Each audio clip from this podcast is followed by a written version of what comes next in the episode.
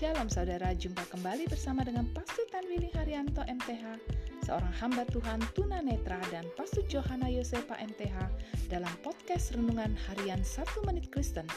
Di dalam podcast ini, kami membagikan kebenaran dari Alkitab yang dimulai dari kitab kejadian sampai kitab Wahyu. Selamat menikmati.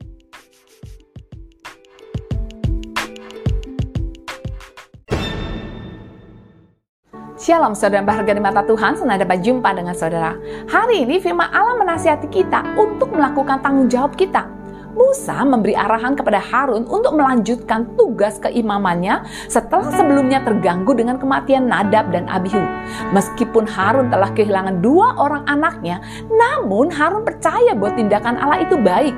Harun punya alasan untuk bersyukur atas apa yang masih dimilikinya, bahwa tidak semua laki, anak laki-lakinya binasa. Dan sebagai tanda terima kasihnya kepada Allah, Harun melanjutkan tugas keimamannya dengan penuh sukacita Saudaraku, ketahuilah bahwa seharusnya penderitaan kita bukan yang menjauhkan kita daripada Allah, melainkan haruslah membuat kita semakin giat melakukan tanggung jawab kita kepada Allah, baik di dalam melakukan pekerjaan Tuhan maupun di dalam kita melakukan pekerjaan kita sebagai anggota keluarga sehari-hari, baik di rumah dan di kantor, baik di dalam pekerjaan maupun di sekolah sebagai seorang siswa. Untuk itu, tetaplah bertanggung jawab untuk melakukan yang terbaik sekalipun ada dalam penderitaan.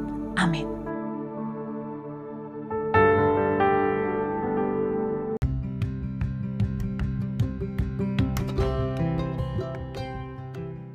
Terima kasih saudara telah mengikuti podcast Renungan Harian 1 Menit Kristen.